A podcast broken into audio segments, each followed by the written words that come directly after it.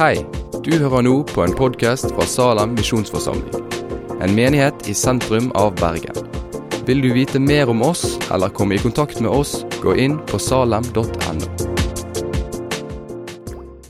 Løfter, profetier, altså framtid, rett og slett, for alle de kristne og for Israels folk, folket.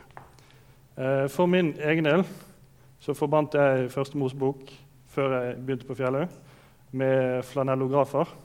Jeg vet ikke om alle helt vet hva en flanellograf er. Men for de av dere som ikke vet det, så er det sånn man hadde på søndagsskolen før. En sånn der filtvegg som du tok og hadde historier av. Det var veldig spennende når du var liten. Um, ja, helt ærlig så fulgte jeg ikke så veldig mye med, med mindre det dreide seg om kriger eller store, viktige menn som var modige, sånn som David og eh, ja, Salomo, den type folk. Um, og Jakob han var ikke helt der. Han syntes jeg var kjedelig. Jeg syntes han gjorde så mye galt. Jeg syntes han virket som en pingle. Og det endret seg veldig da jeg begynte på fjellet. Um, ja. Jeg fikk òg da se at Første Mosebok det dreier seg ikke bare om gode historier, sånn som Noas ark og Babels tårn, men det er faktisk essensielt for hvordan vi ser på verden i dag, om Bibelen er troverdig. Ja. Så som sagt, temaet er Jakob. Og hva kan han si oss? Hva kan han lære oss? Hva, hvorfor skal jeg stå her og prate i forhåpentligvis 20-25 minutter um, om han? Og Det er så mye å si om Jakob. Det står ufattelig mye om han i Bibelen, så jeg beklager på forhånd. Jeg kommer ikke til å klare å få med alt. Eh, og kanskje kommer den røde tråden ikke helt til å være eh, så lett å se til å begynne med, men jeg prøv, skal prøve å få samlet alle trådene helt på slutten til et fint bilde. Yes. Han er sønn av Isak og Rebekka. Han er barnebarn av Abraham. Han blir født i Kanan, som i dag er Israel og Palestina. Eh, når Isak er ca. 60 år, ca. 30 år etter at Isak skulle bli ofret av Abraham. Um, og Det var vel det dere snakket om sist gang. hvis jeg har forstått riktig. Så det er ca. 30 år senere etter det dere har snakket om. Um, navnet hans det betyr å være slu eller bedragersk. Og Det er sjelden et navn har passet så godt som på Jakob. Han lurer sin bror Esau. Uh, han stjeler førstefødselsretten som Esau skulle ha hatt. Han stjeler velsignelsen fra sin far. Han lurer han til å gi han velsignelsen. Og Det står ca. ti kapitler hvis du regner kun Jakob, om han. Og så litt til hvis du regner eh, historien om Josef, og, som da var sønnen til Jakob. Og litt sånn på slutten av livet til, eh, til Jakob, men der kommer den inn sammen med Josef.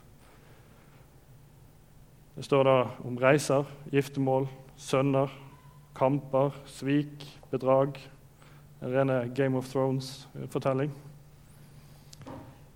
Og han jobber for onkelen sin, som heter Laban.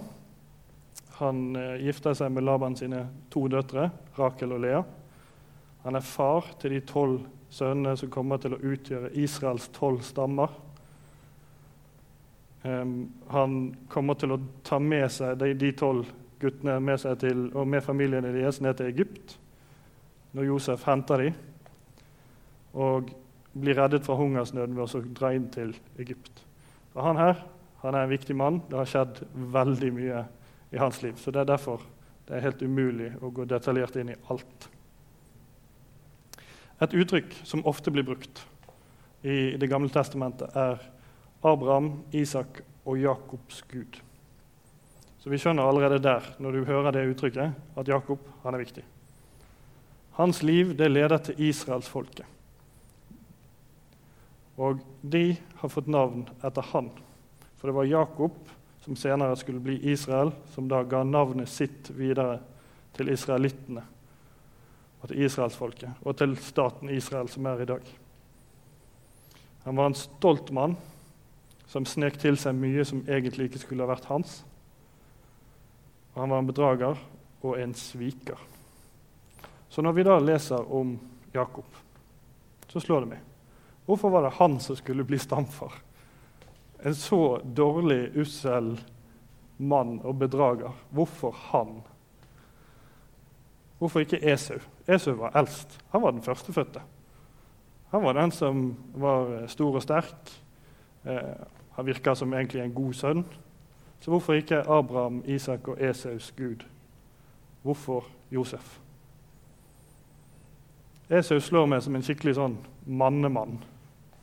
Sånn som kan alt, vet alt, eh, og kanskje gjør ting før han helt tenker igjennom hva han skal. Um, er det noen her som er Marvel-fans? Noen som liker Marvel? Ja? Jeg har sett Avengers. Ja, selvfølgelig. Veldig bra. Um, Esau minner meg litt om Thor. Litt sånn som gjør ting før han tenker helt igjennom det. Litt sånn buser inn i det. Mens Jakob han er litt mer eh, sånn loke. Han eh, er litt slu, bedragersk og eh, ja, er en mammagutt, rett og slett. Og det er vel egentlig der den sammenligningen slutter. da. Jeg skal ikke dra den lenger. Um, og Rebekka var ufattelig glad i Jakob. Og Det står da i 1. Mosebok kapittel 25, vers 23 at Rebekka fant ut at hun var eh, med barn og skulle ha tvillinger. Og Da står det Herren sa til henne, to folkeslag er i ditt mors liv.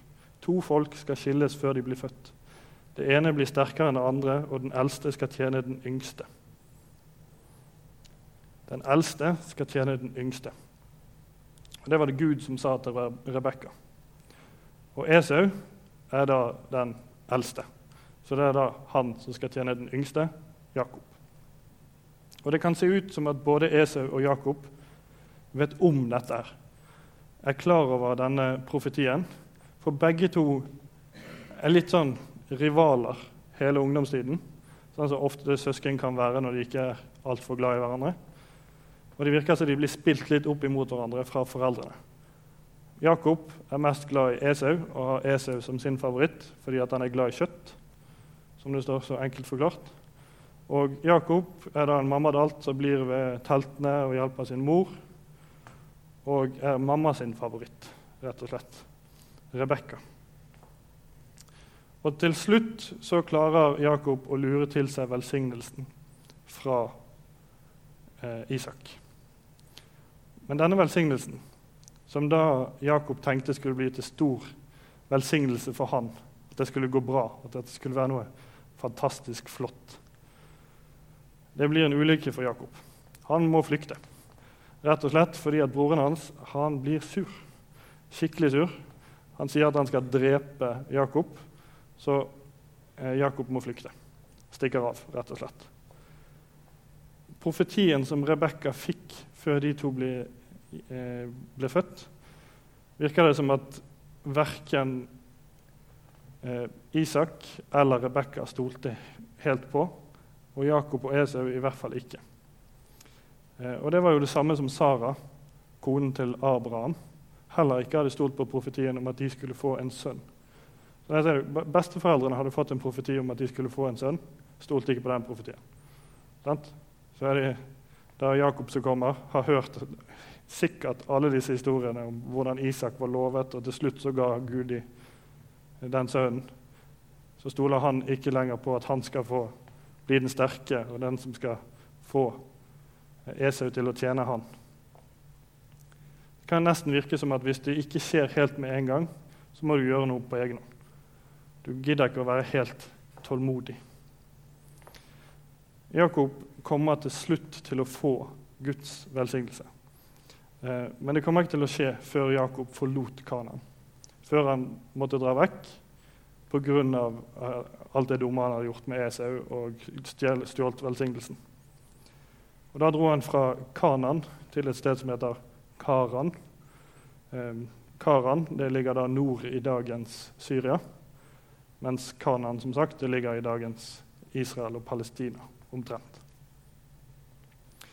Og Den historien som jeg skal fokusere mest på fra Jakob sitt liv, det er når Esau og Jakob igjen møter hverandre. Den kan vi lese i kapittel 33, vers 1-11. Og der fikk jeg beskjed om at supert.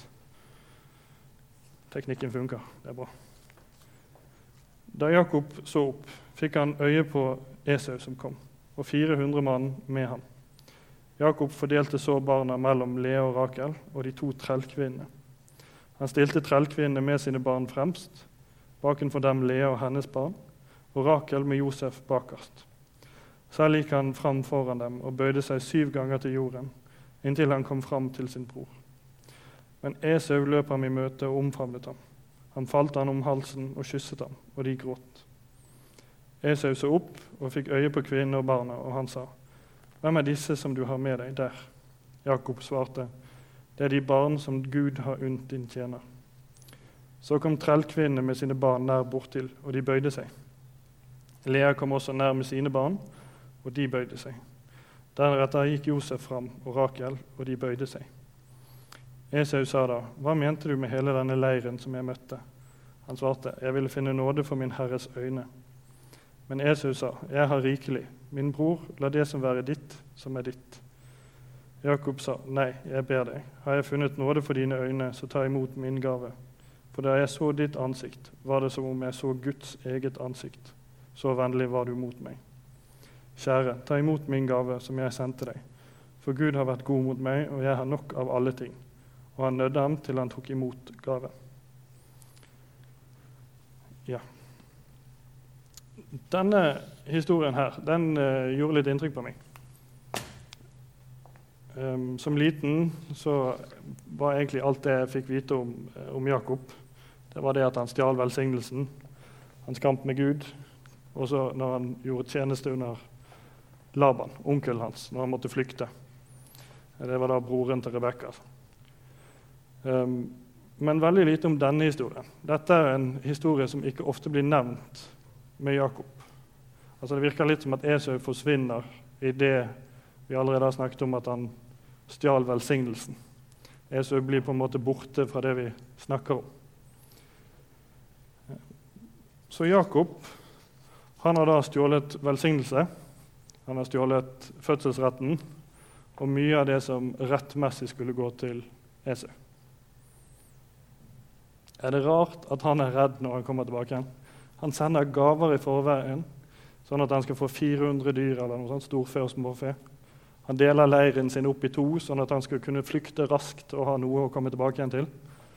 Han sender noen av, eh, av leiren sin over på andre siden av Jordan, sånn at de skal være vanskelig for Esau å få tak i.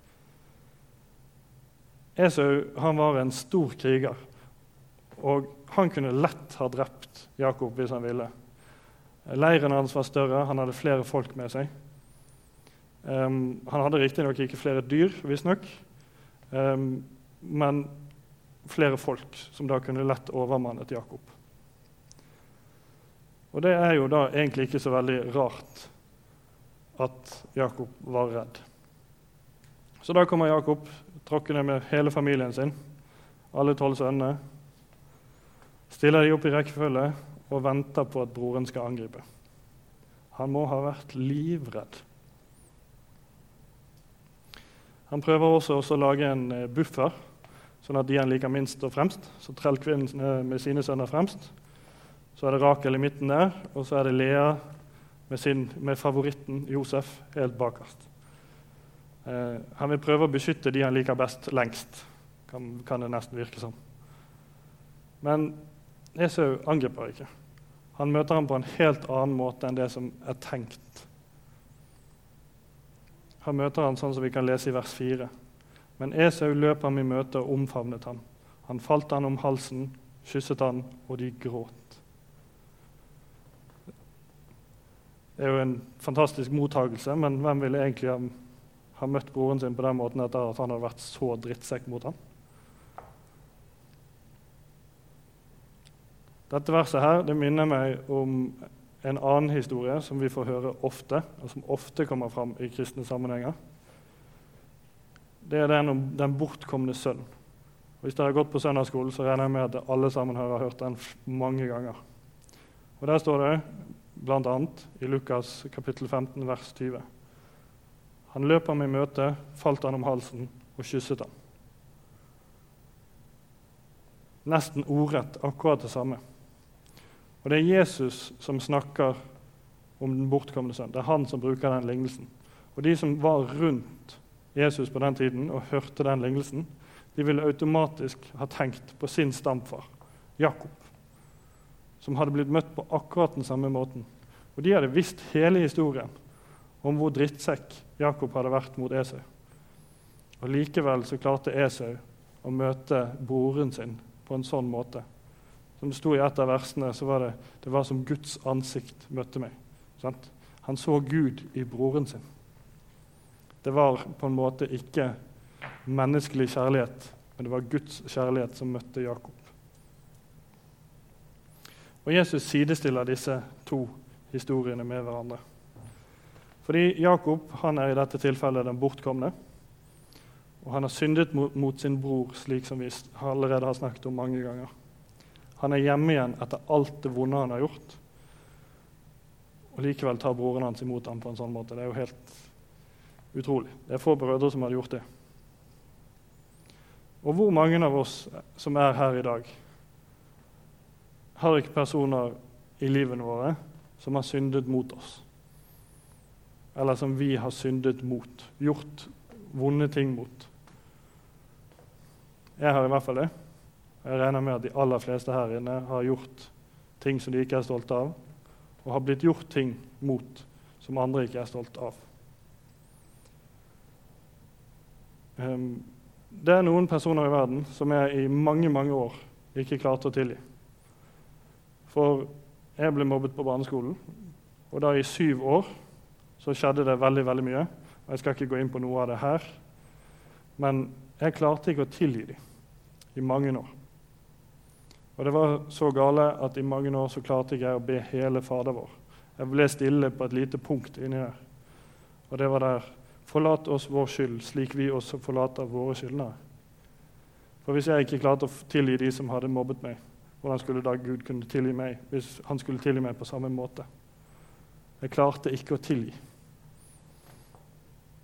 Og se for deg da at din bror hadde stjålet alt som du skulle ha hatt.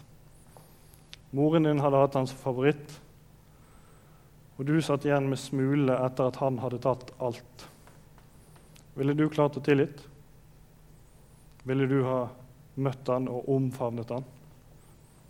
Etter at han hadde bare stukket av og ikke møtt deg på mange år? Hadde med en hel ny familie som du aldri hadde truffet? Det hadde vært vanskelig. Og jeg tror at det som er viktig, den store forskjellen, det er den nye ydmykheten som Jakob har fått.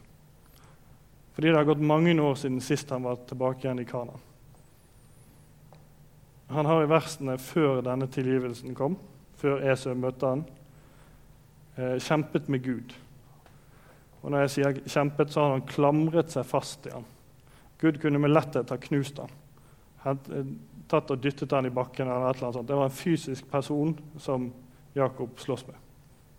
Han klamret seg fast. Det kan nesten virke som at han var en sånn liten, sånn irriterende lillebror som klamret seg rundt beina og bare hang fast og ba om nåde og ba om at han skulle få velsignelse. Han klamret seg fast for livet.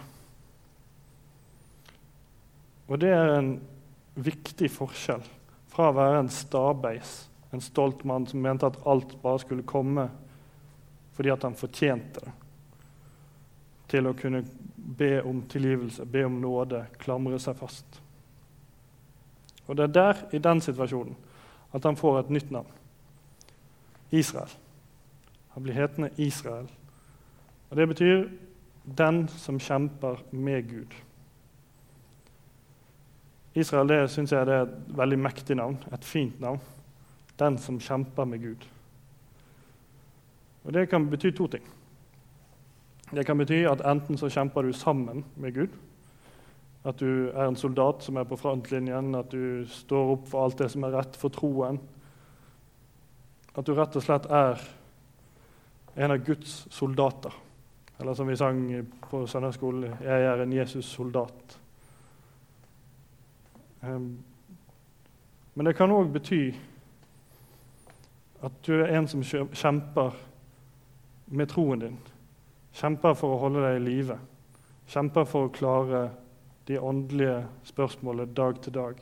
Kjemper for å klare å heise rent flagg. Altså å være en kristen som viser at du er en kristen. Som du merker i livet ditt at du er en kristen. At du kjemper med det. Og det tror jeg egentlig alle kristne har. At vi har det sånn. At vi har begge deler. På den ene måten så ønsker vi å gå ut der og være en god soldat og vise hele verden hvem Jesus er, hvem Gud er, hva den kristne troen er. At vi er ikke bare kjipinger. At dette er faktisk noe vi tror på, dette er noe vi vil overbevise verden om. At dette er godt, dette er rett. Jesus og Gud elsker dere. Men på den andre siden så får vi det ikke helt til. Av og til så er vi den stolte, arrogante drittsekken, sånn som Jakob var. Den som kanskje ler litt hånlig når noen stiller deg noen spørsmål. Eller kanskje du virker bare litt sånn fraværende og litt sånn høy på pæra. Det er derfor vi alle må kunne ha denne daglige omvendelsen til Gud, som er så viktig. Fordi det er et, to, to indre kamper inni deg. Den ene som vil gjøre det riktige, og den andre som ikke vil. Da må vi kunne være ærlige nok og si, både til Gud og til mennesker jeg fikk det ikke til. Tilgi meg.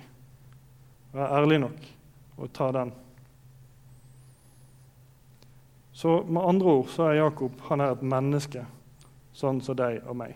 Og Det er derfor Jakob er en så god person å lese om. Jeg føler at Han er sånn som, han er Gamle testamentets Peter. Han tabber seg ut hele tiden. Og han kalles stamfar. Det står om han i Bibelen. Men likevel er han en sånn, sånn som meg og deg, et menneske. Og Gud brukte han, og Gud kan bruke deg på tross av feil og mangler. Og Jakob han måtte ut av sin egen komfortsone. Han måtte dra vekk. Vekk fra hjemstedet sitt, vekk fra de han kjente, alle de kjære, før han fikk velsignelsen fra Gud. Eller fikk oppleve Guds velsignelse, tror jeg vi heller sier. Og jeg tror at veldig mange kristne, meg selv inkludert, er litt for opptatt av komfort, av luksus, å ha det godt rundt oss og kunne ja, ha alle de nye, fineste tingene. Snakker gjerne om å, nå har en ny mobil kommet ut, og så skal vi ha den aller nyeste, det aller flotteste, det aller beste hele tiden. Og det å kunne ha venner og familie omgitt rundt oss hele tiden, det tror jeg er litt for viktig for folk. I hvert fall er det veldig viktig for meg. Og det fører til at vi ikke alltid hører etter. Hører etter på hva Gud sier, hører etter på hvor Han vil lede oss, og hva Han vil at vi skal gjøre. Hva Hans vilje er for vårt liv. Og kanskje du er akkurat der hvor Gud vil at du skal være. At han bruker deg akkurat der du er. For jeg tror oppriktig talt, uansett om du hører etter eller ikke, så kan Gud bruke deg der du er. Men kanskje man kan tenke over om det er heller et annet sted som trenger akkurat deg. Som trenger akkurat en lærer, en sykepleier, en lege, en ingeniør osv. At du kanskje trenger de noen kristne oppe i Nord-Norge, eller en kristen i indre strøkene av Setesdal f.eks. Det er Jakob sine sønner som blir til israelfolket. Esau han kommer til å gifte seg med onkelen sin, sine, sin datter. Eh, onkel Ishmael, som er da den andre sønnen av Isak. Eh, nei, ikke Isak. Abraham. Beklager. Det går litt fort i svingene. Det er mange navn. Han gifter seg med sin egen kusine, og han blir stamfaren til araberne. Det er i hvert fall det araberne sier, at han er deres stamfar. Så både disse to, eller begge disse to brødrene har blitt stamfedre til to folk, til to folkegrupper. Og de bor på den samme regionen i Midtøsten, og nå spredt stort sett utover hele verden, men primært der nede. Jakob han levde hele livet sitt som en vandrer. Han dro rundt fra sted til sted. En som måtte finne seg nye hjem og måtte gjøre det beste ut av situasjoner der han kom. Og dagens Karan, som han flyktet til, det ligger som sagt i dagens Syria. Et område som i dag er fylt med uro og krig. Og da tenker jeg hvordan hadde vi sett på Jakob i dag? Han hadde ikke sett ut som oss. Han hadde vært litt annerledes i huden, kanskje litt annerledes hår. Hadde han vært en av de der flyktningene som vi bare snakker om som en gruppe? En som vi ser på nyhetene og tenker at det der gjelder egentlig ikke oss. Han, altså, han er ikke en av oss. Det spiller ingen rolle. Eller tenker vi at han og de som er flyktninger, er en av oss? En bror, en søster, et Guds barn, sånn som oss. Og Jeg vet at det er vanskelig å tenke sånn i hverdagen, og det, ofte så er det vanskelig å tenke helt igjennom hvordan verden er skrudd sammen, og det er for grusomt å tenke igjennom det. Men noen av syrerne de er nå i vårt hjemland, og de skal gjøre, lage seg et hjem her hos oss. Og hvordan vil du møte dem? Som en fremmed? En som skal holdes litt på avstand? Du kan gi de gamle tingene dine og så gi de til Frelsesarmeen, eller et sånt, men ikke noe mer enn det. Eller vil du møte dem som en av oss? En bror, en søster, datter, sønn osv. En bror som du kan komme løpende i møte og kaste deg rundt halsen. Selv om det ville kanskje vært litt rart hvis det var en du ikke kjente. Jakob han ble 147 år gammel. Det er ganske gammelt. Store deler av livet så var han som sagt vekke fra hjemstedet sitt. Han dro rundt overalt der hvor Gud ledet ham. Og før han døde, så hadde han en profeti. Han ga profetier om alle sønnene sine, sa hvilke egenskaper og fremtider de ville vente seg. Og Noen av de var litt uheldige og fikk ikke så veldig gode profetier. Men en av profetiene det var om sønnen til Jakob, Juda. Og Der står det i kapittel 49, vers 10. Kongespir skal ikke vike fra Juda, ikke herskerstav fra hans føtter, inntil fredsfyrsten kommer og folkene blir ham lydige. Det er Jesus selv som Jakob snakker om her. Hans slekt, Jakobs sin slekt, skal føde Messias. Jesus han er av Judas sin stamme og Davids hus og ett, kongeslekten. Og kongenes konge kom da fra Jakobs slekt. Det var Abraham, Isak og Jakobs linje som da Jesus kom ut fra. Og Jesus kom ikke bare for den stammen, for israelsfolket. Han kom for alle de som ikke levde perfekte liv, akkurat sånn som Jakob. Alle de som ikke får det til, som ikke klarer å tilgi, som ikke klarer å kaste seg rundt halsen på sin bror. Han kom for Jakob, han kom for meg, han kom for deg, og han kom for alle i hele verden. Skal vi be. Kjære himmelske Far. Jeg vil takke deg for denne gode gjengen som er her. Jeg vil be deg, kjære far, om at hvis det er noe i dag som jeg har sagt som ikke har kommet fra deg, at du må ta det vekk, og at de ikke må huske det etterpå. Så ber jeg deg, kjære far, om at du må åpne hjertene våre og la oss se våre medmennesker og de som er rundt oss. I ditt navn, kjære far. Amen.